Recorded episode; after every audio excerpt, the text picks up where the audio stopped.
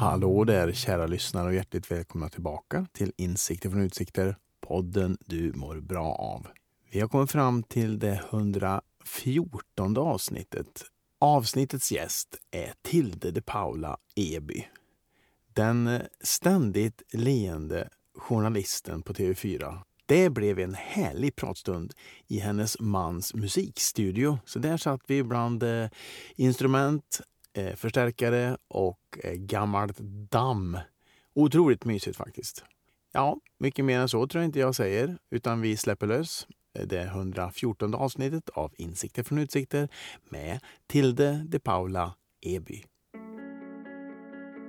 Tilde de Paula kom som flykting från Chile till Sverige i början på 70-talet. Hon var då inte ett år fyllda. Ganska tidigt i livet stod det klart för henne att hon ville bli journalist. 1997 kliver hon till slut via lite omvägar in i TV4-huset för att stanna.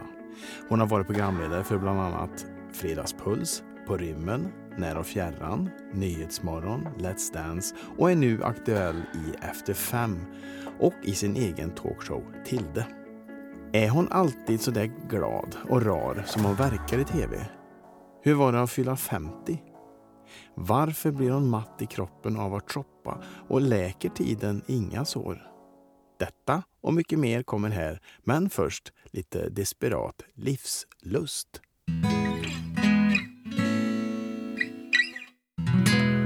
Jag är extremt, jag undrar om jag är kanske lite för krävande. När det, alltså, att jag verkligen tycker att det är så himla himla viktigt att leva livet. Mm. Så att jag blir nästan så här... äh, Att det nästan blir... äh, liksom, det, det, inga dagar får bara passera. Det blir, också, det blir nästan som ett krav. ju. Det blir ja, lite, lite, krampaktigt nästan. Ja, men det är det jag menar. Alltså hur, när övergår det från att vara någonting bra Ja. till, till någonting som bara känns så här desperat?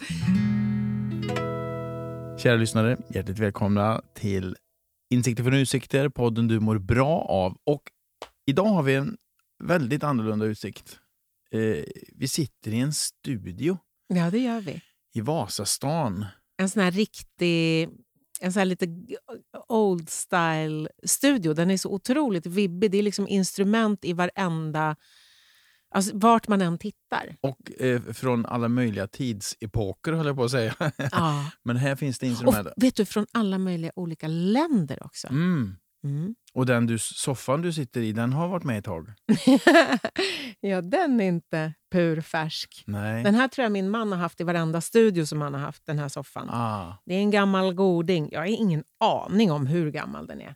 Men den gör ju sitt till för själva liksom känslan. Det ser väldigt bra ut. Ja, men många studios nu, musik, det här är en musikstudio kanske jag ska säga då. Mm. Och en konststudio. Här bakom finns det liksom ett ställe där man kan måla och sådär.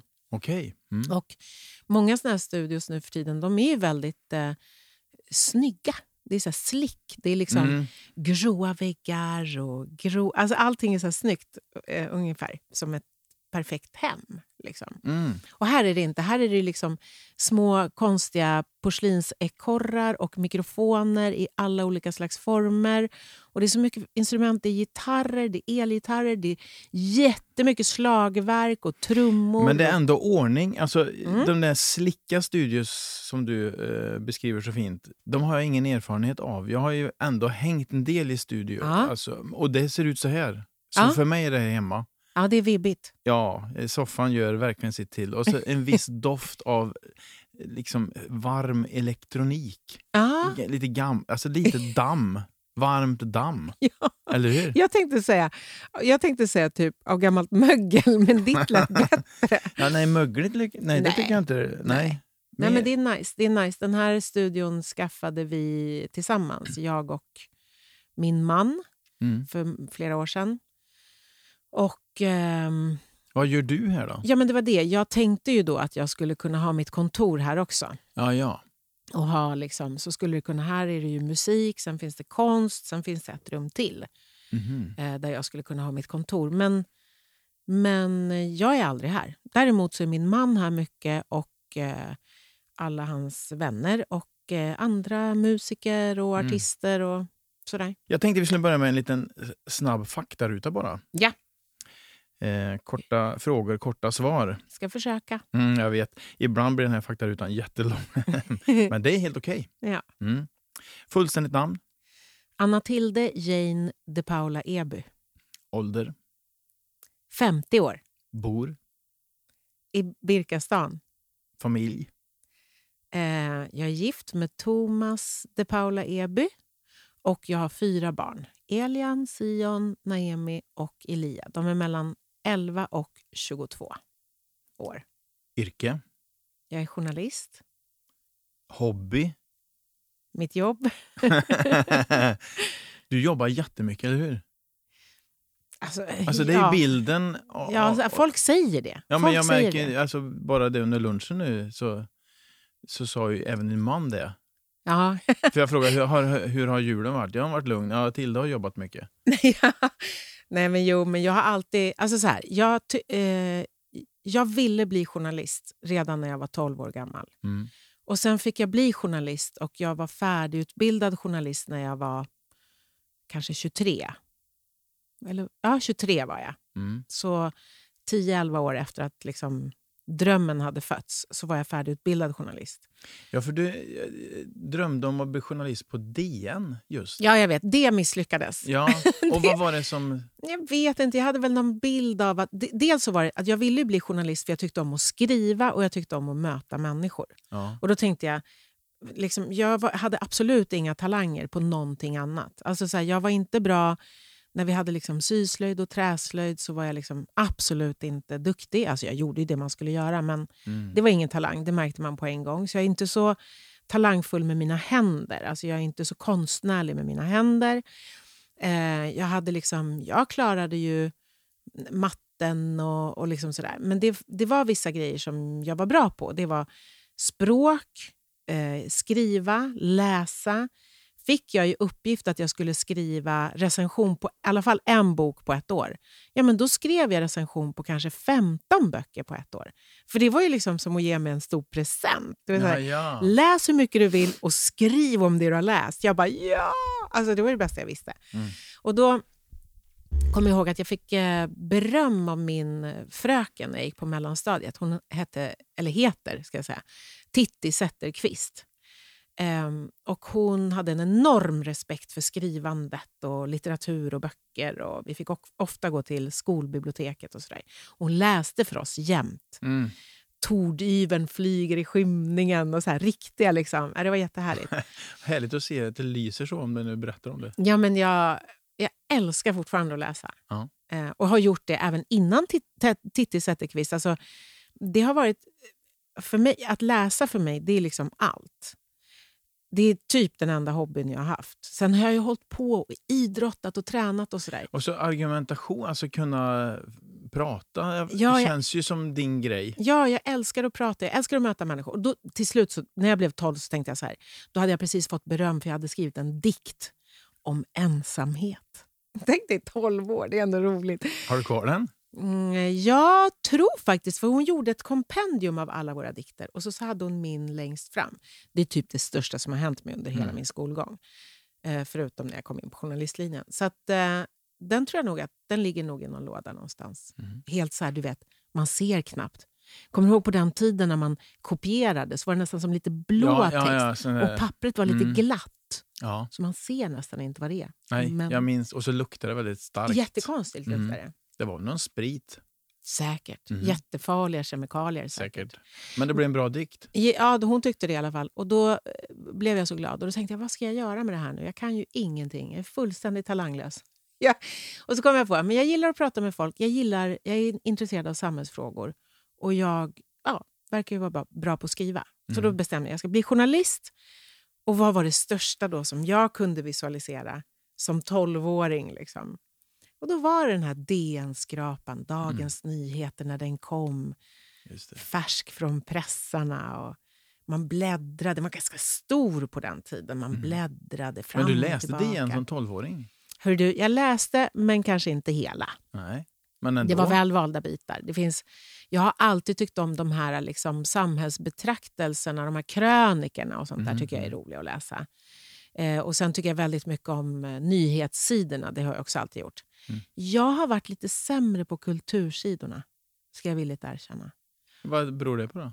Jag tror, alltså då, nu kan jag tycka att Ja, för nu, här sitter vi ändå i en kulturstudio på något vis. ja, men nu kan jag liksom ha behållning av det, men då vet jag att jag tyckte det var svårt. Ja. Alltså att kultur var, det var också på den tiden, så var det liksom någonting fint och otillgängligt och upphöjt.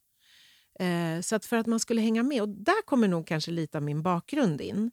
Att jag är ju inte född i Sverige och inte mina föräldrar heller. Och jag har liksom inga äldre generationer som kan liksom hjälpa en in i det som är svensk kultur. Mm. Eh, utan det måste man... Min kulturinhämtning börjar ju i princip när jag är tio. Det är ju liksom på 80-talet. När du går i skolan där? Ja, det är Eller ganska... varför just tio? Nej, men jag bara hittade på något. Ja, ja. jag tänkte Nej, du började väl i Alltså skolan jag tänkte så här, innan dess är man ju ganska liten, så då kanske man inte ens... Du vet, man kanske går på någon teater. Man. Mm. Jag var väldigt bra på att läsa böcker, men, men, men det är väl kanske vid tio års ålder som det börjar bli mer... Man blir, man blir kanske lite mer medveten, Mm. tänker jag. Okej. Mm. Någonstans på Ehm, mellanstadiet där. Ja, jag Mm. tror det i alla fall. Att man förstår. och Det här är teater och det här är musikal och det är skillnad. och Man kan gå på operan. Och man, jag, jag tror jag var 13 när jag gick på min första opera, till exempel. Så. Men det är ganska tidigt för att gå på opera. Ja. Eller ja, jag vet inte. Ja, det kanske det är. Jag Ja. vet inte. Jag tror att det är så olika. Ja, Det jo. beror på man... Men, eh, men, men jag tror liksom att hade jag haft en, en svensk mormor, morfar, farmor, farfar då hade jag liksom... eh, Tage Danielsson Mm. hade ju liksom varit så självklar. Jag hade fått höra de här grejerna Ja. på vinylskiva. och man hade kanske... Ja, men du vet, Det finns referenser som man Mm. missar när man, när man inte är född i ett land och inte har några liksom, mor och farföräldrar i det landet. Så att man måste liksom hämta in den kulturen Men nu, själv. nu är du fatt va? Ja, det får, ja, jag är fatt, men absolut att jag kan känna mig lite utanför ibland. När det, är så här, ja, men när det är äldre referenser. När min ljuvliga svärfar, som jag älskar så mycket, när han pratar om saker som han upplevde när han var barn, som han har berättat för sina barn, alltså för Mm. min man till exempel. Ja. Men där är jag ju så här, vadå, vad var det? Alltså, ja, det. berätta. Mm. Så, och då har jag inte hört det förut. Mm. Så det tar ju tid. Ja, herregud. Men tänk vad lyckligt lottad jag är som har honom som också kan ge det till mina barn. Mm. Vad var det, vad var det Elia som du träffade nu? Han, när han var liten. Var det? det var någon så här sketch. Hasse och Tage-sketch, tror jag. Som han gick och citerade. Det var så kul. Och då blev jag så glad. För då tänkte jag, nu får han någonting som jag inte fick. Mm. Och det var häftigt. Mm. Varför hade jag denna utsvävning? Jo, för du frågade mig varför jag inte läste kultursidorna i DN när jag var liten. Ja, vi är fortfarande på hobby och det är ditt Ja. jobb. Jag har, nej, men, eh, eh, jag har kommit ifatt lite grann. Men, men eh, jag, jag bestämde mig för att jag ville bli journalist och kände att det var så helt rätt. Och det var ju lyxigt att vara så liten eller ung och veta vad man ville. För då kunde man hamna på så här avkrokar och liksom tappa siktet för en Mm, liten mm, stund. mm. Men någonstans i ryggraden så, Så visste man hela tiden vad Ja, för du, jag var på eh, när väg. man läser på om dig så har du gjort ganska mycket saker. Alltså pizzabagare och eh, sålt motorsågar. Ja, Den, Jonsered. ja. Jonsered Power Products. Men det finns också andra bra I den här motorsågar. podden behöver du inte säga så. ja, men jag tänker jag ska inte. Men ja, det var de jag jobbade för. Ehm, nej, men jag har alltid jobbat mycket. Jag delade ut tidningar, jag var barnvakt, jag var barnflicka, jag var jobbade på snabbmatsrestaurang. Jag, alltså det har jag gjort sedan jag var ung. har jag jobbat mycket. Eh, Mm. jobbade som, ja, men på en livsmedelsbutik och var pizzabagare. Just pizzabagare är så roligt om man tänker sig att jag är 15 år och måste stå på en upp och nervänd kolaback för att nå upp till eh, bakbordet. För att de andra pizzabagarna är så mycket längre än vad jag är. För det var ju bara killar på 1,90 typ. Mm. Eh, det är kul. Det är en kul bild. Var tror du den här nyfiken kommer ifrån? För det är ändå det som, eh, gissar jag, driver dig. Du jobbar mycket, ja visst. Men det är inte för jobbets skull, utan du är, verkar ju vara nyfiken. Ja, men jag tycker om... Ja, det, det, det, jag tror att jag jobbar ganska mycket för att jag tycker att mitt jobb är roligt, Mm. först och främst. Och sen för att jag också har, om jag ska vara helt ärlig, inte så himla mycket andra hobbysar.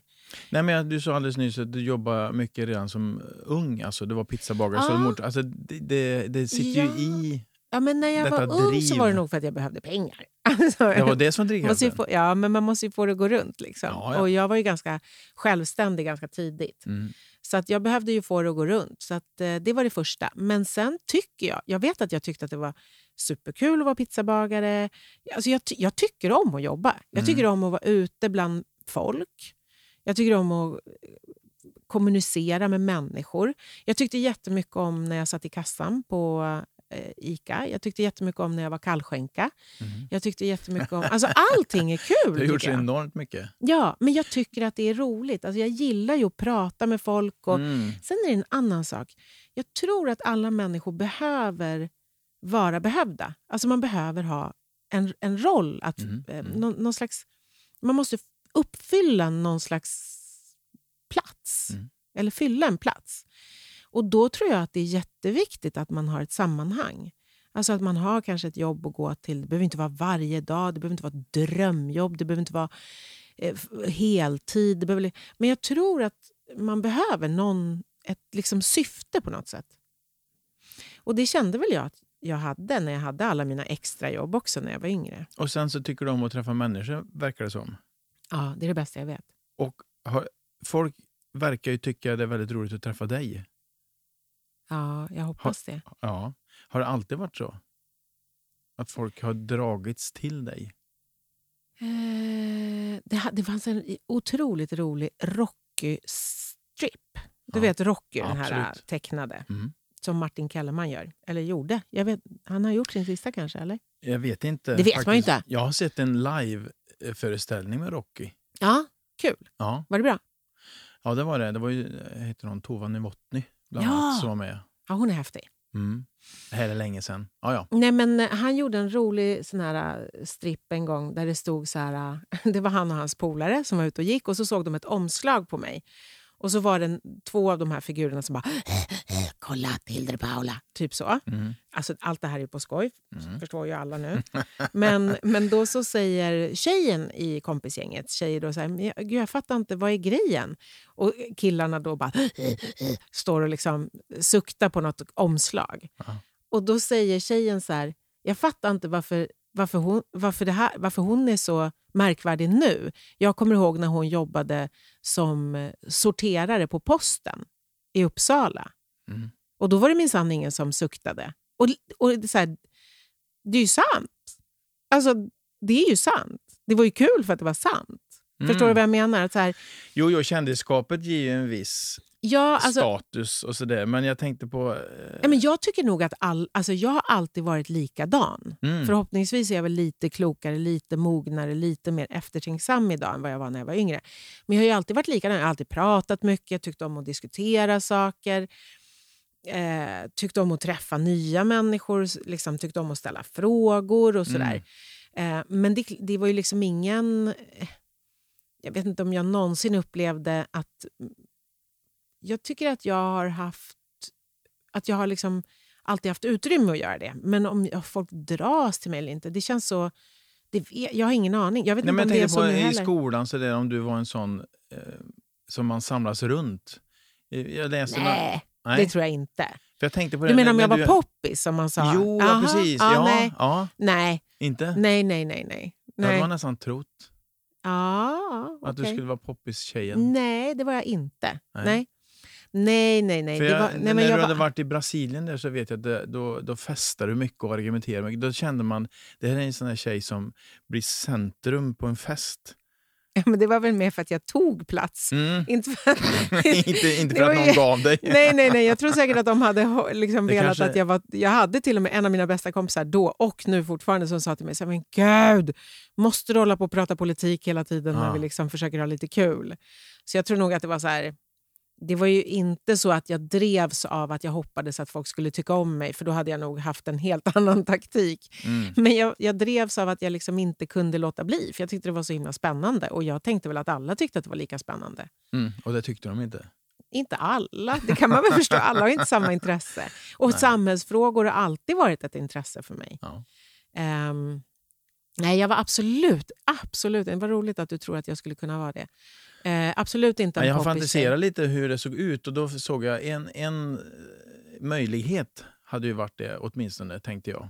Att du skulle varit poppistjejen. Nej, men däremot så var jag ganska orädd. Mm. Alltså jag var ju till exempel kompis med hon som var mest poppis på mellanstadiet. Mm. Alltså vi var ju kompisar, jättenära kompisar och är Mm. det fortfarande. Eh, och hon, men där var inte det ganska mycket också hur man såg ut? jo.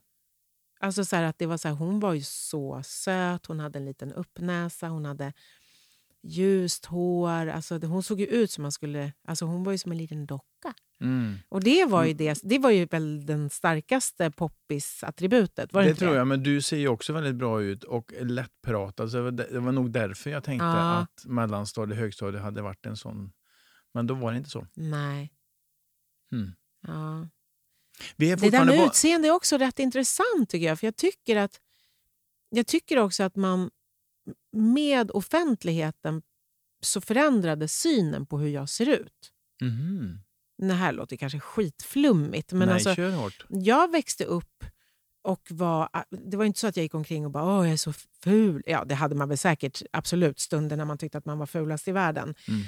Mm. Eh, för att det är hemskt att växa upp. Men, men jag tror att eh, det var ju absolut inte så att jag var så här, åh hon är så söt. Och inte heller, åh hon är så förskräcklig. Alltså det var ingenting. Det var, fanns väl någon som tyckte att jag var söt, men någon som inte. Alltså så här, Normalt. det var inget liksom. Nej. Och det var ju inte liksom det var inte liksom coolaste frallan eller Davve. Det var inte de som tyckte att jag var så här...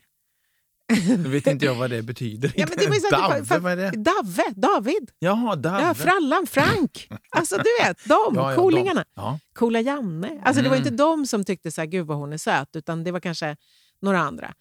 Men jag tycker, och det här låter så konstigt att säga, jag vet inte ens om det är bra att säga det, det kanske låter som att jag är helt dum i huvudet, men jag var helt normal. Jag var liksom utseendemässigt. Och sen så började jag jobba med någonting där som innebar en viss offentlighet. Och då blev det som någon slags så här sanning att jag såg bra ut. Mm. Du sa ju det nu som Mm. om det vore självklart. ja, men jag tror bilden av dig är det. Ja, Bara det, det att det är finns så en konstigt. rocky, rocky strip där eh, det står grabbar och suktar. Så- Men då är jag ju på ett omslag. Då är jag ju sminkad av en person som jobbar med smink. ja. Och det är ljussatt. Och det här var ju väldigt många år sedan så jag skulle tro att det också var ganska retuscherat. Alltså, det är väl ingen som tror att jag ser ut så där när jag går upp på morgonen. Förstår jag menar? Att, Mm. Nu har jag försökt vara lite noggrannare. Jag säger inte att jag lyckas alltid, men jag har försökt vara noggrannare med att säga till när man gör plåtningar att jag inte vill att de ska retuschera. Mm. Alltså att de ska hålla ner det. Ja. Alltså ljussätt gärna fint och sminka gärna fint, men håll inte på att mecka med bilderna. För Jag det tror det blir var liksom- i ditt sommarprat, ursäkta jag avbryter det men bara, i ditt sommarprat så var det någon tant som satt bredvid dig som sa först det, jag kan inte låtsas att jag inte känner igen dig, men du är ju mycket snyggare på tv. Ja, än i verkligheten. Ja. Det, är en av mina, det är en av mina bästa historier. Jag älskar den. ja. Men jag älskar den inte för, men inte för att hon... Om jag ska vara helt 100% ärlig så var... Jag tror inte hon menade illa. Men jag är i och för sig benägen att tro gott om människor. Mm. Men jag tror inte att hon menade att förolämpa mig så mycket som när man, när man faktiskt tittar på vad hon säger så är det jätteotrevligt sagt. Mm. Jag tror inte att det var hennes mening att vara så otrevlig. Men Nej, men vi var inne på alltså kändisskap tror jag eh, vrider upp utseendet. Ja, det är det Ja, jag menar. mm. Alltså, jag, eh, jag lägger ingen värdering i om det är... liksom... Jag tycker... Nu låter jag så... ja, Jag hatar när jag själv låter så, så här, himla frälst. Men, eller perfekt, eller så här, fin eller andlig eller vad det nu är. Men jag tycker att alla människor är vackra. Mm. Alltså, och det har jag tyckt sedan jag var liten. Därför att jag har också alltid tänkt så här... Om man har någon människa som man kanske tycker oh, det där var liksom... Oh, det där var inte... Var, att man kanske blir så här... Det är en, en människa som liksom man inte riktigt så känner sig hundra... Det, oftast är det på, så här, på tunnelbanan någon som kanske spottar och fräser och man blir lite rädd helt enkelt. Mm, mm, mm. Eh, då brukar jag alltid tänka, det har jag gjort sedan jag var superung, så brukar jag alltid tänka så här, jag undrar hur den där människan ser ut i sin mammas ögon. Mm. Då förändras, alltså då ser du någonting annat. Ja. Titta på vinkel. människor och så, titt, och så tänker du så här, när, när den här personens mamma, eller pappa, eller vad det nu är, när- en människa som älskar den personen, titta på den, hur ser den ut då? Mm. Då ser man Finaste allt det fina. Alltså då ser man allt det fina. Mm. Men går man omkring och irriterar sig och, bli, och dömer och har åsikter, då är klart, då blir, ganska, då blir de allra flesta ganska fula. Liksom. Mm. Så jag tror att det ligger liksom i betraktarens ögon. Så är det nog. Och därför Eh, så tror jag också att när jag blev offentlig så blev det så här, ja hon ser ju bra ut, som om det vore så. Men jag tror att det är offentligheten i sig som också gör någonting med Mm. utseendet. Ja, absolut. Man utgår ifrån att hon måste ju se bra ut, hon är ju känd. Ja. Men nej, så är det inte.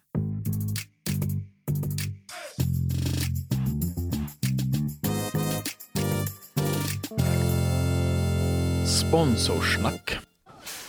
På Bergvik har de verkligen både och. En hantel.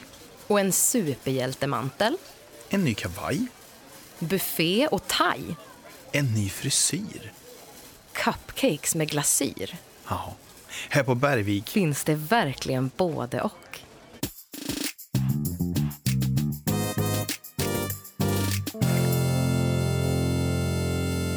Vi är på hobby bara, vet du. På faktarutan. Visst är det Men härligt? vet du, ska jag säga en sak? Det här är för att du är en sån jäkel på att prata. Det är inte jag, utan det är du som lockar fram. Jag har lyssnat på din podd. Ja. Jag har hört. Ja. Du bara... Du får liksom ett, med ett ord så kan du liksom spinna vidare så att det blir liksom ett moln av eh, åsikter och tankar och känslor. Nu ska jag lugna mig. Berätta. Mm. Nej, du ska inte Vad lugna är dig. nästa punkt? Du ska inte lugna dig. Hobby var det där. Vi hann ju med nästan hela ditt liv. Ja, och det, var, och det, och jag Skönt. sa ju ingen hobby. Men ja, Jo, jag har en hobby. Jag har en hobby. Ja, för du sa hobby är mitt jobb. Men jag yrke. älskar att jobba. Det roligaste jag vet är att jobba. Och, eh, nej, det roligaste jag vet är att hänga med min familj. Det andra är att jobba. Och det tredje är att träna. Träna är den enda hobbysen jag har. Mm. Men jag ska skaffa några i år. Det är, mitt, det är ett löfte. Vet du vad det kommer bli då? Jag tror att jag kanske kommer försöka lära mig att surfa. Och då får det bli nere i Medelhavet eller? Ja, På Palma? ja. Wow. Och jag tror också att jag eventuellt ska försöka göra någonting konstnärligt. Jag har ju alltid intalat mig själv att jag inte kan. Att jag är, Ja, du totalt, sa ju det Ja. förut. att jag är obegåvad och talanglös. Men jag tänker att det spelar ingen roll om jag tycker att det är kul. Om jag Mm. blir glad av det. Och så kanske du kanske ska sluta och säga till dig själv att du inte kan. Ja, men, ja, det kan jag göra, men jag, alltså, när det kommer till målning så är jag verkligen talanglös. Alltså, jag är det. Alltså, all, så är det bara. Men det betyder ju inte att jag inte kan göra det om det får mig att må bra i alla fall. Jag För jag behöver liksom inte vara bra för alla andra. Jag Mm. behöver bara må bra själv, så har- fyller det sin funktion. Mm. Och sen i höstas började jag sjunga i kör också. Så det tänker jag att jag ska fortsätta med. Trevligt. Mm. Tillbaka till faktarutan. Ja. Eh, Dricker helst? Eh, Cola Zero och eh, en kall liten galopp, alltså ljuslageröl. Mm. Äter helst? Eh, mycket och eh, inte kött. Nej, för det är ganska länge sedan du slutade med kött. Ja, det är alltså det. Jag har inte ätit nöt och fläsk längre tid i mitt liv än vad jag har ätit det. Mm. Jag var 23 när jag slutade. Då slutade jag äta allt. Nöt, Samtidigt kött, som du fågel, fisk och allting. Ja, ungefär. Ja. Men ja, faktiskt precis då. Jag gjorde ett reportage om eh, en, det svensk-finska äggkriget. Så jag var inne i ett, eh, i en, ja, eh, i ett hönseri. hönseri. och sen så gjorde jag research på djurförsök. Och sen så kom det ganska mycket... Jo, sen var jag också på ett slakteri. Eh, och allt det här sammanföll med att jag också träffade ganska många människor som var eh, vegetarianer. Mm. Och då tänkte jag, nej men äh, jag kan sluta, jag är inte så. Men efter det så har jag ju... Jag har aldrig börjat äta nöt och fläskkött, alltså kött. Men jag har ätit eh, fågel och fisk. Och mittemellan? Nej, inget. Nej, jag skojar. Och allt däremellan. Nej, men jag tycker om att äta, men jag tycker om att äta eh, bra mat. Mm. Alltså så. Mm. Jag äter gärna mycket stora sallader. Och, Mm. mm. Sista frågan Ja. i eh, faktarutan. Eh, den hittar jag på nu känner jag. Men en förebild inom programlederi som har betytt mycket för dig? Wow. Jag tyckte att Oprah Winfrey var ganska häftig Mm. när jag, eh, ja, men när jag växte upp. Jag tyckte att hon fick människor att öppna sig. Och jag tyckte att Det var nog kanske inte bara själva programlederiet egentligen, utan den hon var bortanför det. Alltså att hon hade sitt eget produktionsbolag, att hon kom från ingenting till och blev liksom störst av alla. Att hon var liksom en tuff kaka. Liksom. Jag, vet inte, jag gillade det här att hon tog makten över sitt eget liv på något sätt och att det gick så bra. Sen var jag faktiskt och såg Oprah Winfrey. Jag fick ett stipendium och var både på Good Morning America och på The Oprah Show. Mm. Och då... mm, Vi var där och kollade och det, liksom, det var lite för mycket fabrik för mig. Mhm. Och det kan jag förstå. Det är, det är klart att det var en industri. Men, men liksom lite så här att hon kommer in i sista sekund, någon går med henne, hon sitter ner, det, ganska så här, det händer inte så mycket. Och sen när lampan gick på, då boom! Liksom. Och det kändes kanske inte så här hundra Mm. för mig. Nej. Eh, jag hade väl liksom velat att hon hade kanske den energin en liten stund innan den röda lampan på kameran börjar lysa. Den som heter Tallinn. Just det. Alltså, Är du sån att du lyser innan? Det, alltså det är svårt för mig att avgöra, men däremot så vet jag, jag har ju liksom... Jag, för, jag, jag, jag är ju egentligen... När jag går in, inte när jag ligger hemma och kollar på en serie, men när jag går in, när jag går till jobbet, så försöker jag tänka på hur jag är. Och så försöker jag tänka på att liksom möta blicken på dem som Mm, kommer gåendes emot mig och säga hej kanske. Jag går till gymmet och är trevlig mot människor och frågar hur de mår. Jag går till jobbet och då är det också så här att jag... Hur är läget och hur gick det med den där? Du skulle ju boka en resa till Frankrike. Gjorde du det då? Alltså så här, oberoende av vem det är jag möter på vägen upp till min plats. Ehm, liksom, så att jag tror att jag inte är helt släckt och sen så går Tallinn på och då tänder jag upp. Utan jag tror att jag är så hela vägen. Sen, sen är det klart att när jag sitter på redaktionen då är det kanske och liksom vi håller på och bollar olika idéer och man så här, men ska vi inte göra så här? Då kanske det kommer så här, men vad fan, jag tror att det här blir skitbra. Och så skulle jag inte uttrycka mig i tv. Det skulle jag inte. Nej, okej. Jag skulle inte säga, men fan, jag tror det här blir skitbra. Alltså, utan då är jag lite mer kontrollerad i mitt sätt att uttrycka mig och kanske säger så här, men det här tror jag kan bli bra.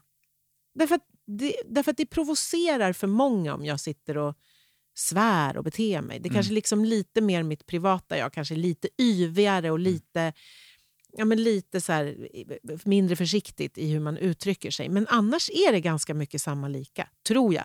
Men det, det är idiotiskt att jag sitter och ja, försöker avgöra det. Mm. Det är bättre att du säger. Vad tycker Ja. du som har träffat... Du har väl sett något jag har gjort på tv? Ja, absolut.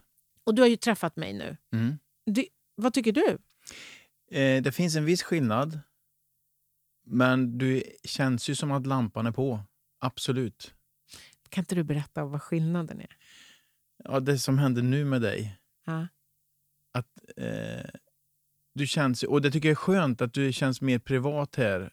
Eh, Ja. Och du tänker inte så mycket på...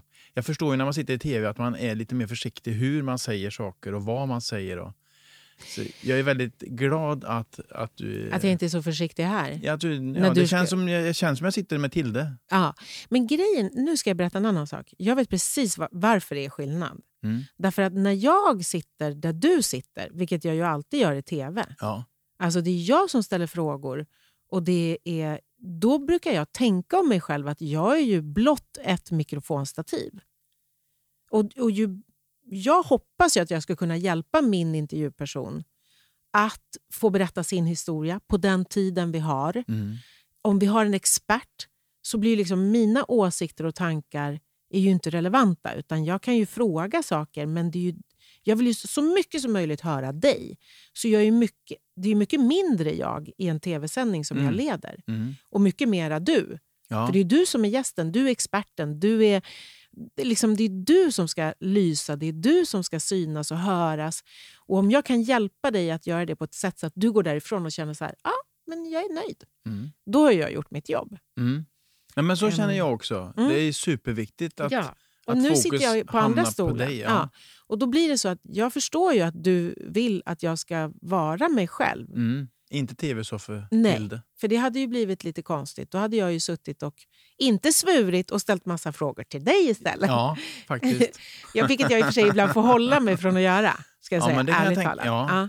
Och du har så korta eh, stunder också. Nu eh, gjorde den här um, Tilde i Mm. somras. Mm, Var det va? Nej, precis. 2021 var det. ja, det var både i somras och Ja, eh, för det såg 2021. jag. Svinbra program. Ja, vad kul. Men du, det är inte så långa. Jag kan ju tycka det här nästan är för kort, en och en halv timme eller en timme eller vad vi nu sitter. Ja. För man har ju läst på så mycket och vill liksom, jag blir ju supernyfiken på den människan som sitter framför mig. Ja. Och du kanske har tio minuter på en lång intervju. ja, precis. Eh, då gäller det att man, man måste bestämma sig. Ja. Alltså man måste välja ut. Yes. Det handlar om att välja bort. Mm. Jag kommer absolut inte få... In, och Det svåra är ju också att jag gör dem ju live. Ja. De flä, alltså det är den enda talkshowen som går live. Det är den som jag gör på somrarna. Jag gjorde en vårsäsong också, men det var bara en halvtimme. Ehm, men jag kommer aldrig kunna berätta en hel människas liv på, på den... Nej, det går inte. I, I somras, förra, nu ska vi se, 2021 när vi gjorde första, då gjorde vi en timme. Och sen så 2022 när vi skulle göra andra säsongen, då bad vi om att få en och en halv på första och sista programmet för vi hade så mycket spännande människor och gäster så att jag bara, vi måste få mer tid. Och nu så kommer vi göra en och en halv timme hela sommaren. Mm. Alltså nu 2023 då. Men det är klart, det spelar ingen roll om jag har en och en halv timme på mig. För jag har ju flera gäster. Jag kommer inte få Nej. hela deras livshistoria. Och live! Alltså de flesta talkshows de spelar ju in och då bandar de ju ganska länge. Och så klipper man Och så klipper de ut det som är liksom russinen i den där Mm. lussebullen. Mm. Och så liksom lägger de upp dem som ett litet pärlband av sötsaker. Mm. Men jag måste ju få ut det där live, Jaha. vilket jag älskar. Jag tycker det är roligt. Och du lyckas tycker jag. Ja, men tack. Men ibland och ibland inte. Mm. Såklart. Men, men jag tycker Men att det det kan ju också vara en känsla i dig kanske. Inte hos oss som tittar. Du vet ju kanske, eller har tänkt eller hoppats på att nå dit och dit eller få Ja, svar på det. den och den frågan. Det vet ju inte vi. Nej. Vi vi fick ju svar på de frågorna du ställde. Ja, precis. Men jag brukar oftast inte vara... Alltså jag, är aldrig, jag, är aldrig, jag kan vara besviken på mig själv ibland. Mm. Att, ah, jag skulle ha gått den här vägen eller jag skulle ha tänkt på det här. Eller det här var ju, varför ställde jag inte den här följdfrågan? Eller, alltså Tittar du på den irriterad. själv efteråt? Jag inte, det, tycker jag, det tycker jag verkligen inte om att göra. Men... Eh, eh, och ibland, nu har jag lärt mig, sen vi började göra Efter fem så har jag en producent som är väldigt eh, noggrann med att vi ska titta på saker och ting. Mm. Eh, så att vi tittar inte på varenda program, men vi tittar ofta och på något speciellt. Liksom. Och Det är ju inte för att racka ner, utan det är också för att se så här, hur, det här gjorde vi bra. Kan Mm. vi ta med oss något av det till nästa dags sändning? Och det här borde vi testa igen och här skulle vi kunna ha gjort så här. Ehm, men jag vet alltså under alla år, fram till för fyra år sedan, så tittade jag i princip inte på någonting jag gjorde. Okej. Och de gånger jag var tvungen att göra det, till exempel när man hade... Säg att jag hade, skulle intervjua Lena Philipsson, säger vi. Som man har intervjuat ganska många gånger. Mm. Då vill jag se liksom, okay, hur gick vårt samtal. Hur har vårt samtal gått? Var kände jag att hon gick igång? Liksom, vilket håll gick vi åt? Vad pratade hon mest om? Så att man också hittar en ny väg i nästa intervju. Och Då har jag suttit och kollat ibland som research. Och då har jag suttit och då sitter jag och hånar mig själv. Nej, men då sitter jag så här. Åh, åh, ska lilla Tilde ställa en fråga? Åh, vad duktig du är. Dumma jävel. Ja, du vet, så där sitter jag. Är du så hård mot dig Det är själv? så hemskt. Alltså, det är så hemskt. Så det har jag slutat med. Eller jo, jag gjorde det här om dagen faktiskt.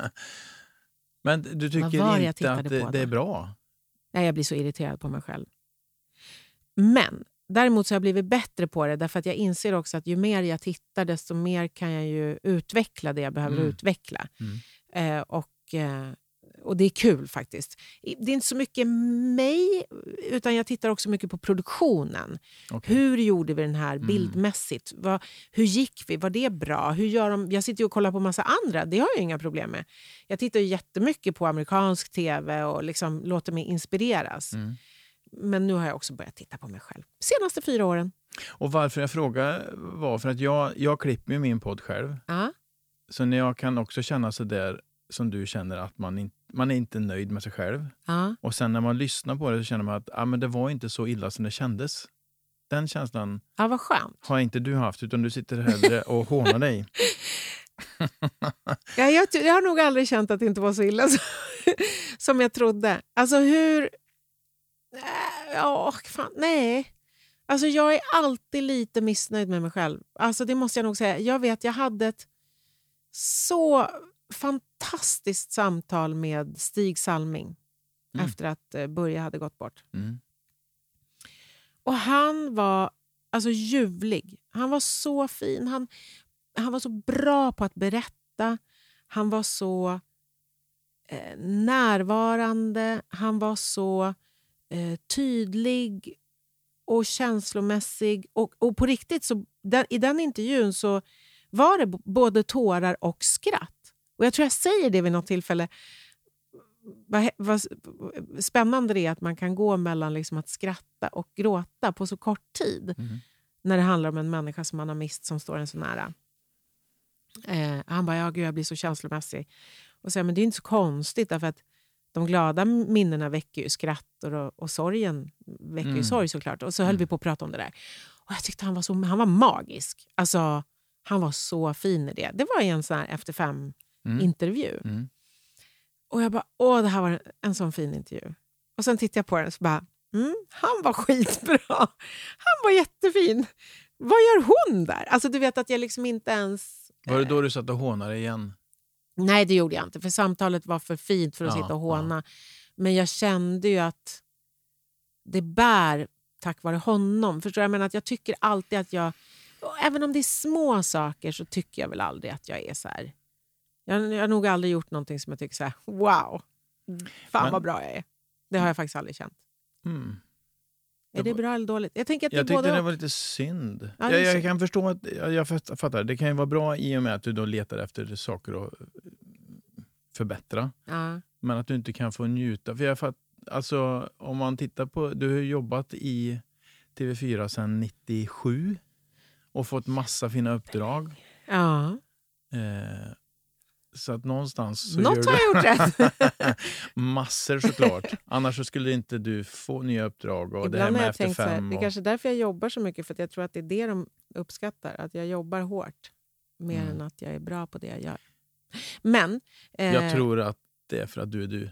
nej men jag, jag, jag tror att... Ibland kan jag tänka så här, om jag tycker att... Åh, vad, det kan ju vara små grejer som jag irriterar mig på, men då kan jag tänka så här, men om den här människan som sitter mitt emot dig är så fin, ja, men som Stig Salming var, och, så, och ger så mycket av sig själv och känns så ärlig och uppriktig, så kanske det är någonting hos mig som ändå får den människan trygg. Det, och då spelar det väl ingen roll om säker. jag säger något larvigt. Eller så här. För, att jag, för att eh, också, det hör till historien, att Stig efteråt ringde mig för att tacka. Ja, du ser. Och det, och, för att, och det var just det han sa, att han kände sig omhändertagen, inte bara av mig utan av hela teamet. Mm. Och, och jag intervjuade Peter Haber. De här, vi gör, över jul och nyår så gör vi eh, Efter fem ikväll. Det, det, det är egentligen Efter fem, fast det är som en talkshow. Mhm. Alltså för att vi har liksom en gäst hela timmen, i alla fall två tredjedelar av timmen. Och då hade vi, och det går ju jul, nyår, alltså mellan dagarna och efter nyår och sådär. Och det går ju eh, 20.00. Mhm. Och då hade vi, vi hade massor med fantastiska gäster. Vi hade Robert Gustafsson och vi hade eh, statsministerparet och vi hade Farah Abadi, vi hade Nej, men vi hade så många fina människor. Eh, eh, paret Guidetti som var Mm. helt fantastiska. Sanna Guidetti, wow. Och sen hade vi Peter Haber som ju var så nervös.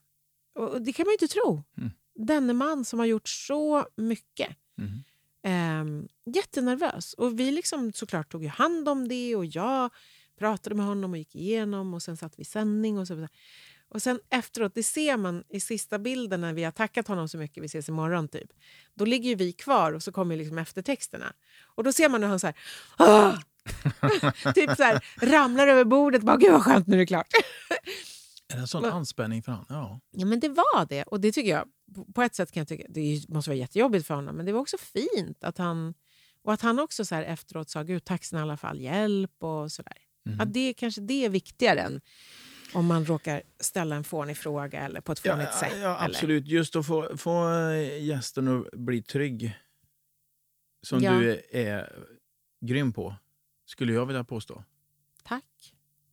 är ju en förutsättning. Jag har haft Martin Wiklin, han eh, söndagsintervjun på P1. Ja. Han har ju han sitter och tänker att han älskar gästen som sitter mitt emot. Det är också fint. Men vad roligt. Ja. Men han har ju nästan alltid ett litet avsnitt som är lite tuffare. Ja. Vad tänker han då? Han tänker nog att, vad menar du med det här? Jag tycker så mycket om dig. Varför sa du så där? Eller varför gjorde du så där? Ja, men Och ungefär som man kan vara med dem som man verkligen, verkligen Ja. älskar. Alltså liksom med sina barn och sin man. jag tror han tänker så. Ah. ah, vad spännande. Mm. Ja, gud vad spännande. Senaste, jag efterlyssnar ju på väldigt mycket. Och Den senaste intervjun som jag hörde med honom var just med Robert Gustafsson. Och Det var ju inför att jag själv skulle gästas. Mm. Man gör ju så, man lyssnar Ja, ju på liksom, Mm. läser och lyssnar och försöker så här. Visst är det underbart? Research är kanske det roligaste. Ja, men det, är så, det, är så, ja, men det är det jag säger, vi har ju världens bästa jobb. Alltså, det, är så här, det är så lyxigt. Mm. Vad ska du göra idag? Nej, men jag ska lyssna på långa intervjuer och jag ska läsa långa... Jag ska läsa en bok. Mm. Jag menar, man, man har liksom...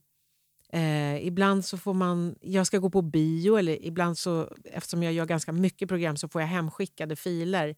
Så jag kan titta på en Mm. film som ska komma i min Lyxigt. dator hemma.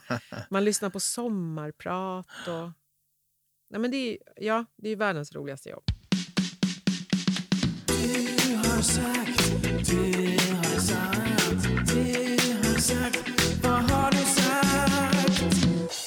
Vad var det du sa? Du har ju lyssnat på min podd ju. Ja. Då har jag ett, ett litet, en liten pusselbit som heter Du har sagt. Mm. Och då har jag samlat ihop massa saker som... eh, Den är ju så läskig. Man Ja. säger ju så mycket. Ja, du men säger- kör, jag är ja. med. Eh, de två år som följde på min mamma och pappas skilsmässa var våra bästa och sämsta år. Det här skriver de i boken. Mm. Alltså boken eh, Tiden läker inga sår. Ja, precis. Vad menar du med det? Bästa och sämsta? Ja, men om jag ska ta det ur det sammanhanget som jag beskriver i boken. För det, jag vet, jag vet inte, det känns som att jag, jag var klar efter att jag hade skrivit boken. Då hade Mm. jag skrivit om det. Jag tyckte att det var skitjobbigt att prata om det efteråt. Det var som att jag tömde ur mig allting i boken och sen bara, så nu stänger jag den. Mm. Men, ehm, men jag vet vad jag menar. Och jag menar och jag tror att man kan känna så även i andra sammanhang än då i livet. Jag kan känna så ibland att man har liksom alla förutsättningar för att vara lycklig. Och utifrån sett så ser det väldigt lyckligt ut. Och så är man inte lycklig ändå. Mm. Alltså det tycker jag är kanske genomgående den största utmaningen Mhm. i livet på något sätt. I det dagliga livet. I relationer menar du? Nej, i, i det dagliga livet. Alltså om du tittar på dig själv. Om, du om jag tittar på mig själv utifrån och du tittar på dig själv utifrån. Ser det inte bra ut? Jo. Det ser ju jättebra ut. Mm. Du har ju fått tre barn i ditt liv. Du har en, en, en dotter som nu växer inom musiken som ju kan man tänka sig har varit en passion för henne förut. Du har en son som du är väldigt stolt över. Du har en, en, ett liv som du njuter av. Du gör den här podden som man ju märker du älskar att göra. Mm. Men händer det ibland att du vaknar och har ångest? För mig händer det att jag vaknar av ångest och det händer att jag somnar och har svårt att somna för att jag har ångest. Mm. Men vad har du ångest för då? då? Oj, oj, oj. Det, det, jag kan ha ångest för allt. Alltså det finns... Hur mår barnen? Är det verkligen bra? Hur ska jag göra med det där? Och varför är jag inte... Alltså bara den frågan tycker jag. Så här, varför är jag bara inte lyckligare? Mm. Borde jag inte vara lyckligare? Va?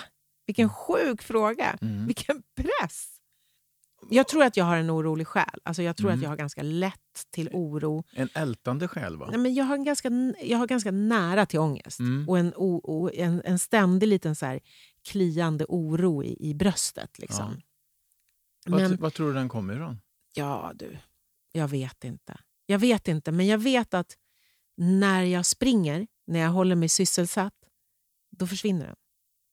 Så det är också en del av förklaringen till varför jag tycker så otroligt mycket om att jobba så mycket. Du slipper grubbla. Eller varför jag tycker så otroligt mycket om att träna. Eller varför jag tycker så otroligt mycket om att göra massa saker med min familj. Mm. Men be mig sitta still hemma. Alltså, nej. Du, har, du har aldrig känt att det vore intressant att ta reda på vad det där är? Ja, alltså jag har ju gått i terapi hela mitt vuxna liv. Ja. Och det finns ju tusen saker som, som jag har varit igenom i mitt liv som jag, inte, som jag liksom, ah, inte har berättat om och som jag inte heller kommer att berätta om. Som såklart har skapat en osäkerhet och en otrygghet i min själ. Mm. Men jag kan tycka, vad fan, nu är jag ju 50 år. Nu har jag liksom plåstrat om den där själen hela mitt liv. Jag har verkligen försökt, jag har tagit hand om det. Jag gör saker som jag tror är... Jag gör massor med saker för andra människor för att jag mår bra av det. Och Jag liksom har en stor härlig familj och jag har liksom ett jobb som jag älskar och jag har en man som är gudasänd. Men ändå så gnager frågan, varför är du inte lyckligare? Ja, och ändå så är det inte... Alltså, plåstren täcker liksom inte allt. Mm. Det är som att det, måste all, det kommer alltid vara så. Mm. Och det kan irritera mig, det kan störa mig. Mm. För jag skulle vilja vara en sån människa. Men jag, jag, jag, vet, jag förstår ju själv varför jag springer. Jag springer, jag gör mycket, jag är väldigt aktiv.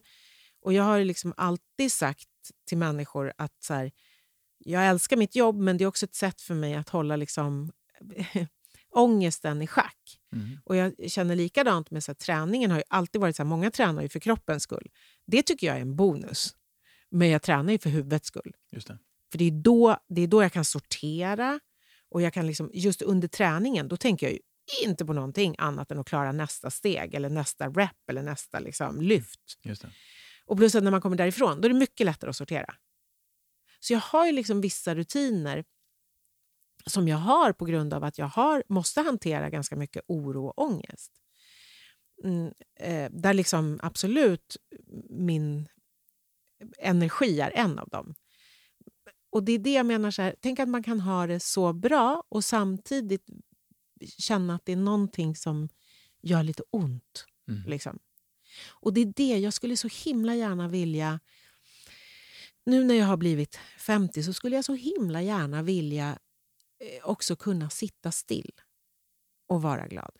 Mm. Det liksom måste nästan vara mitt mål tror jag framöver. Att komma dit, att jag, kan, att jag inte blir orolig och får ångest av att bara vara stilla. Liksom. Mm. Och har du någon strategi för att nå det målet? då? Eh, nej, alltså eftersom jag alltid har gått i terapi så tänker jag det kan jag fortsätta göra, men det är inte det som kommer vara avgörande. Jag hoppas att ålder hjälper ju väldigt mycket, Mm. tycker jag. Alltså, ju äldre Mm. jag blir, desto lättare är det. Eller är det det? Ja, jag vet inte. Kanske, kanske inte. Ehm, jag tänker att det här med att jag vill göra saker och ting som jag inte nödvändigtvis måste vara så bra på, men som jag kanske blir glad av. Mm. Ja, men så här, måla, eller keramik, eller surfa, eller att jag har börjat på kör och sådär. Det är ett sätt för mig att försöka lugna mig. Att liksom inte bara springa, utan försöka... Det är väl nästa steg. Det är inte att sitta still, men det är lite lugnare. Liksom. Mm. Mm. Så det är väl en strategi som jag har för att försöka nå dit. Mm. Men jag tror också det kan vara eh, lugnande och skönt för folk som sitter och lyssnar. Att, att även du som verkar så glad och Ja. positiv jämt också kämpar. Men det är det som är så skevt. Jag är ju jätteglad. Jo, Och jag vet att jag är lyckligt lottad. Och att jag har det hur bra som helst. Och, att, och jag är en optimist. Men jag tror inte att det har gått en enda dag i mitt liv utan att jag har känt ångest. Mm. Okej, okay, okay, jag tar tillbaka. När mina barn föddes och när jag gifte mig, ingen ångest. Nej. Ingen ångest. Nej, vad skönt. Men också andra dagar i och för sig. Ska jag säga så här, typ när, det varit något så här, när jag och min man åkte på tioårig bröllops... Eh, vi, liksom, vi hade varit gifta i tio år och så åkte vi till en fantastisk finka där man bara åt och drack av det som naturen gav runt omkring oss. Och det var så här, nej men det var så vackert, det var så vackert så det sved. Och det, vi hade ingenting. Vi hade ingenting, vi var tvungna att göra ingenting. Allting var, liksom, allting var på banan. Vi behövde bara vara där i Mm. den där naturen. Då hade jag heller ingen ångest. Tre dagar. Ja, men du ser, och det var ju egentligen ditt mål, där, att sitta still. Ja, och, Och då satt jag still. Ja. Men det är samma sak. Jag vet att I början av vårt samtal så sa jag att jag har alltid älskat att läsa. Mm. Och Jag läser och läser och läser. Jag kan läsa hur mycket som helst. Mm. Och jag, jag blir så här... Jag läser så att jag får dåligt samvete. För jag tänker, men nu bara läser jag ju. Och stackars, vad ska alla andra? Hur ska det gå för alla andra här runt Mm. omkring? Stor familj, mamma känner ansvar och så vidare. Men det är också en sån, det är lite flykt. Alltså från min egen verklighet. Så får jag hamna i någon annans verklighet. Mm. Det är så skönt. Mm. Och då tycker jag bäst om att läsa. Jag tycker inte bäst om att lyssna på någon annans. För jag vill ha min egen röst. Många tittar ju på serier. Ja, Det det. kan jag också göra, men jag tycker bäst om att läsa. Mm. För då är det mina bilder. Och, då måste min hjärna jobba Mm. Ja, det- med det. Ja, jag tror din hjärna måste jobba bra mycket mer än att läsa en bok än sin serie. För det har jag läst någonstans att just se på tv, det är en extremt liten del av hjärnan som är aktiv. Ja, alltså du får ju allting serverat. Mm. Det är redan, det är redan, redan färdighackat och tuggat. Liksom. Mhm. Du behöver bara hälla i dig det. Mm. Det är Men perfekt alltså- när man ska vila tror jag. Ja, absolut. Det är inget fel. Man kan göra det också. Men om jag, jag älskar att läsa därför att då, dels är det min röst som berättar. Och jag kan själv hitta på hur de ser ut och vilken miljö de är i. och sådär. Min hjärna jobbar och den jobbar med någonting annat än mitt liv. Mm. Det är vila för mig. Mm. Men du hade vid, vid en tidpunkt, så, jag kommer inte ihåg vart jag läste det eller om det var i ditt sommarprat, så åt du antidepressiva. Ja, det var en kort period. Och du gillade inte det för du tog bort topparna också. Ja. Det blir liksom bara... Har jag berättat om det? Stort av mig ändå. Eller vart har jag läst det då? Nej, jag någon skojar. hemlig sida. Nej, jag, nej, nej, men nej. Alltså, jag har ingenting... Alltså, det är inte så att jag går omkring med någon skam över att jag jobbar Nej, jag menar- med mitt nej. mående. Absolut inte. Eh, det har jag tvärtom försökt vara väldigt ärlig med. Att jag alltid har jobbat med mitt mående och att jag gör det fortfarande.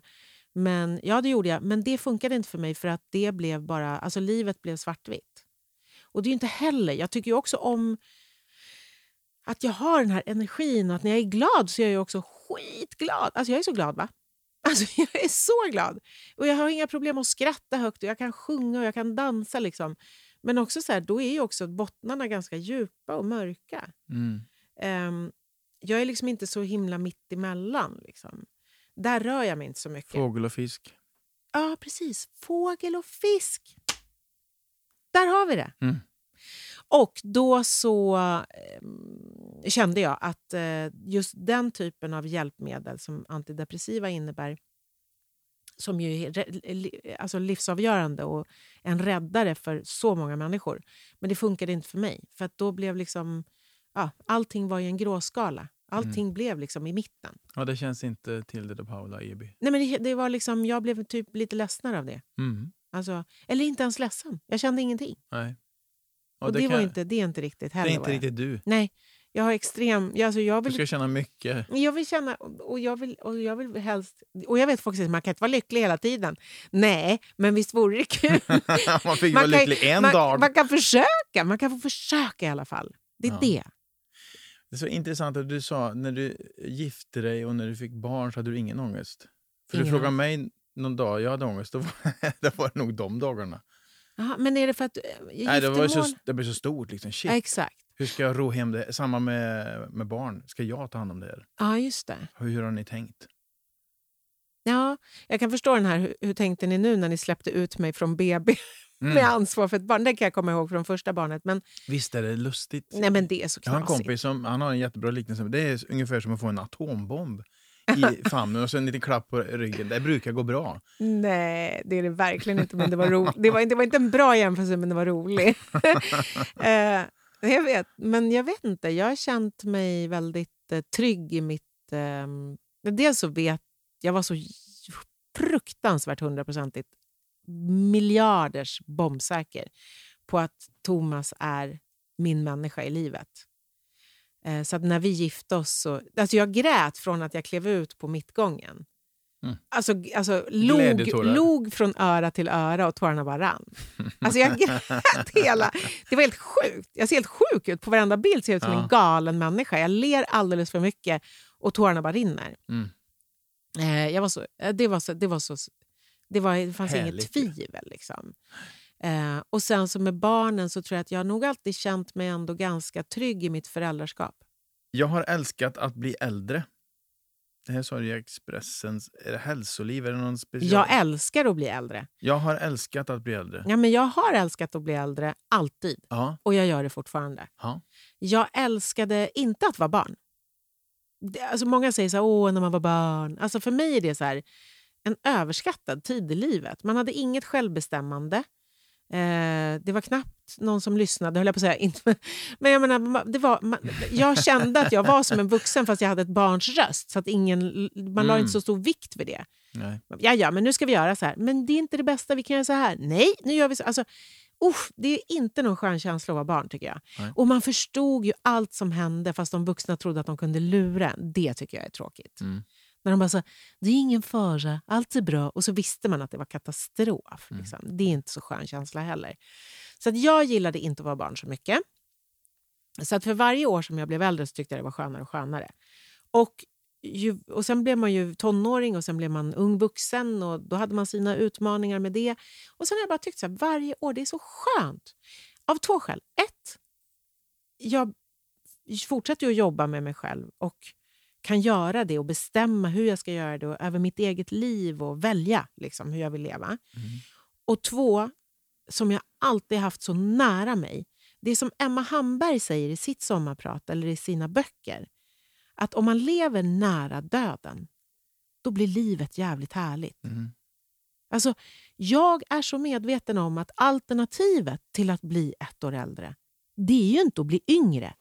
Det är ju att dö. Mm. Och det är ett sämre alternativ. Mm. Jag blir gärna äldre. Med krämpor och grejer. Mm. Kom börjat... och ta mig bara. Kör har, hårt. har det börjat med krämpor? Ja, inte så mycket. Jag håller mig ju, jag, jag är ju duktig på att liksom hålla kroppen i form och tar hand om mig. så. Men, men man kan ju få krämpor ändå. Nu har jag fått så, här, så att jag måste ha inlägg i skorna. Det är kul. Det är en, riktigt, ål- det är en riktig åldersgrej det. Ja, annars får jag få ont när jag går. Ja. Och jag det- går ju väldigt mycket. Och så är jag, jag är ålderssynt så jag måste ha glasögon. Ja, för det kommer jag ihåg vi pratade om första gången vi sågs. Mm. Eh, att du inte hade progressiva glasögon och du fick ta av och på, av och på, av och på. Ja, Har du fixat det? ja nu? har jag Ja, bra. riktiga, bra. Mm. Så nu kan jag ha Snyggt. hela tiden. Men det Ja. roliga är att nu ser jag inte ens... Alltså nu ser jag ingenting. Alltså många år så blir man ju lite sämre och sämre men man Mm. kan ändå så här... Nu är det ju kört. Ja. Nu Men- håller jag fram luren till min man och säger vad står det när det är ett sms. Liksom. ja, han har inte kommit dit än han ju. Nej, Med han ålders- är inte där. Nej. Han är lite yngre än vad jag är också. Mm. Åtta år yngre så att han Ja. har några år kvar. Fräsch syn ett tag till. ja. Jag blir matt i kroppen av att shoppa. Nej, jag tycker det är fruktansvärt att shoppa. Mm. Usch, det är ju så många som tycker om att shoppa och som blir glada och liksom Mm. unna sig och köpa fina saker och jag blir helt matt. Det är som att någon suger ut all energi ur min kropp. Mm. Alltså Jag kan inte ens shoppa lite grann åt mig själv. Men jag är en jävel på att handla åt andra. Ah. Jag tycker det är jättekul att leta presenter och, och när man hittar Då någonting. kan du shoppa? Ja, Nej, men du vet när man hittar någonting som är så här, gud det här är perfekt. Man kommer på en idé eller man hittar någon grej eller någon... Ah, det är så himla här, det är så tillfredsställande Mm. att köpa grejer till andra och sådär.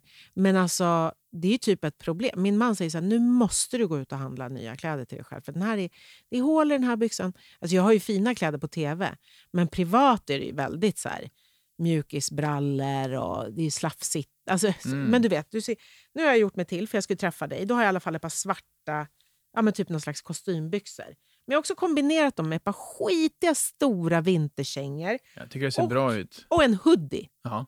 och en keps. Liksom. ja, det hade du på Mm. lunchen. Så keps och hoodie det är typ, och mjukisbrallor eller träningsbrallor. Jag bor ju i det. Mm. Och sen så här, kan vi inte bara gå ut och så hittar vi någonting. Så här. Och så går vi ut och så går jag in i första affären. Jag bara, ja, ja, ja, det klarar vi av. Så går jag in i första affären och så bara, ah, nej, gud, jag kan inte, jag vill inte. Du vet, jag klarar inte det, jag vet inte vad det är. Och prata inte ens om att prova kläder. Oh, nej, jag håller Nej, med men dig. det är så, det är hemskt. Ja. Nej, men jag tappar all energi. Mm. Jag har en fru som är otroligt eh, duktig på det där, så hon hämtar kläder åt mig så får jag vara i provhytten. Men Ja. det är en viss tid. Jag, jag är nog helt med dig där. Ja. Det går en stund sen så bara nästan kryper jag ur mitt skinn. Ja, men, och det sjuka är när det är så här, okej, men den här, det här har ju också hänt flera gånger. Att jag bara så här, men det här blir jättebra. Jag, jag köper den här och den här, det behöver jag. Nu tar jag den. Och så kanske det är kö. Nej, då skiter jag i det. Nej, men vänta, det, det, bara, det tar ju fem minuter till det. Mm. Nej, men gud, jag, jag orkar inte. Det går inte. Och så bara, jo, men nu, nu väntar vi så här. Eller så kan det vara så här, ja, men vill du ha, jag kanske har bestämt mig för två plagg. Det här är precis vad jag behöver. Jag behöver ett par nya träningsbyxor och ett par nya sneakers. Och sen så kanske min man säger så här, men gud, kolla de här, var inte de här fina? Och så kanske det är en blommig eh, hoodie.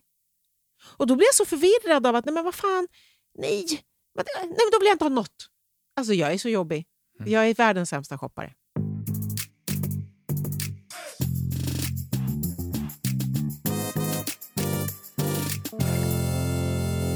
Sponsorsnack. Jag är med i en musikal. Så som i himlen heter den och den har nypremiär 17 februari på Säffleoperan i Värmland. Vi körde den föreställningen hela hösten och det var fullsatt och stående ovationer på varenda föreställning. Helt magiskt. Jag har aldrig varit med i en produktion som har gjort en sån fullständig succé. Det är en musikal som trycker på alla knappar. Man skrattar, man gråter, man förfäras och man hoppas. Ingen lämnar lokalen oberörd. Så har du inte sett Säffleoperans version av Så som i himlen så är det verkligen dags. Vi öppnar åter dörrarna 17 februari och stänger igen samma dörrar 18 mars.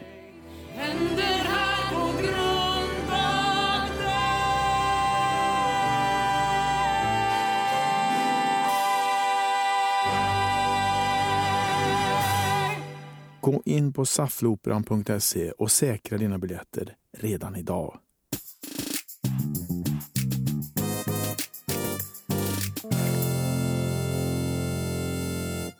Avslutningsvis.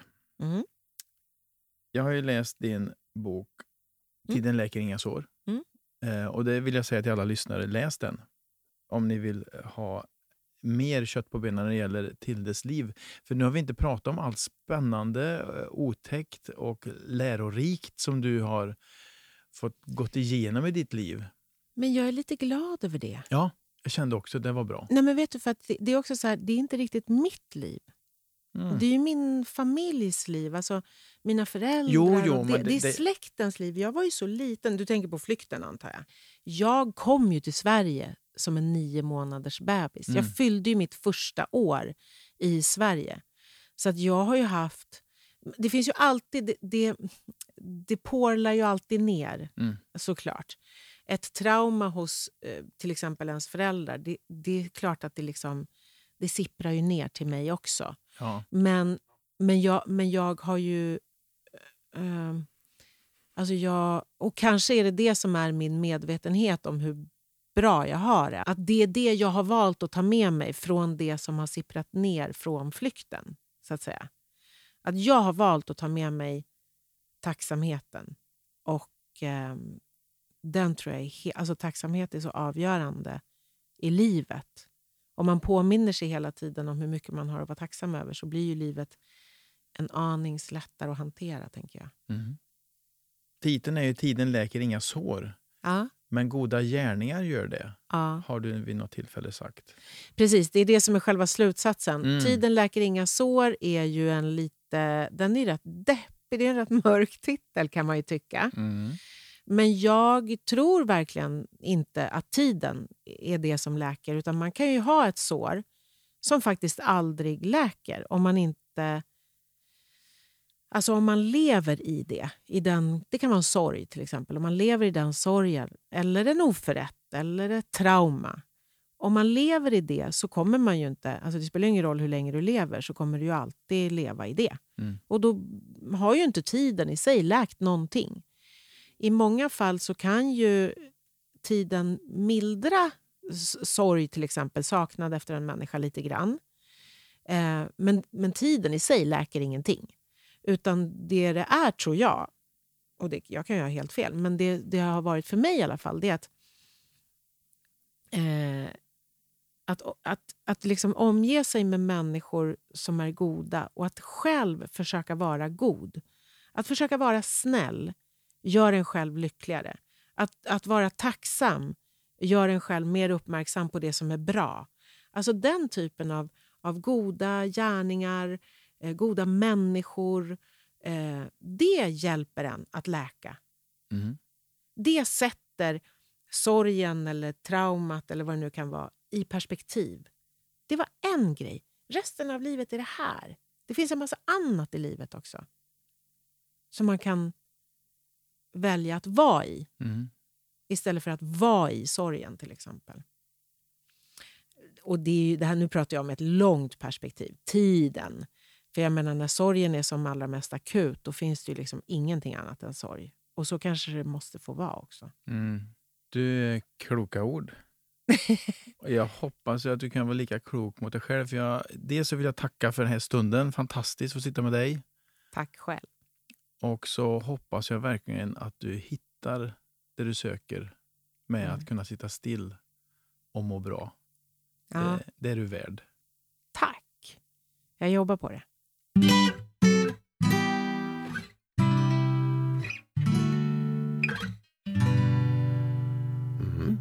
Det var Tilde de Paula. Mycket kloka ord från en klok kvinna. Nästa vecka så gästas min podd av Annika Sundin som driver ett Instagramkonto som heter Medveten i stan. Då ska ni få lite tips på hur man kan handla miljövänligt och tänka på sitt miljöavtryck här i världen. Det är väldigt mycket bra tips under avsnittet. Och det är det här sköna att man behöver inte tänka att man ska göra allt hela tiden och samtidigt för att vara miljövän. Utan man kan göra det man orkar och kan. Och tillsammans blir det ett bra resultat. Mer om det nästa vecka. Det kan ni se fram emot. Fram till dess, ha det så skönt. Hej hej!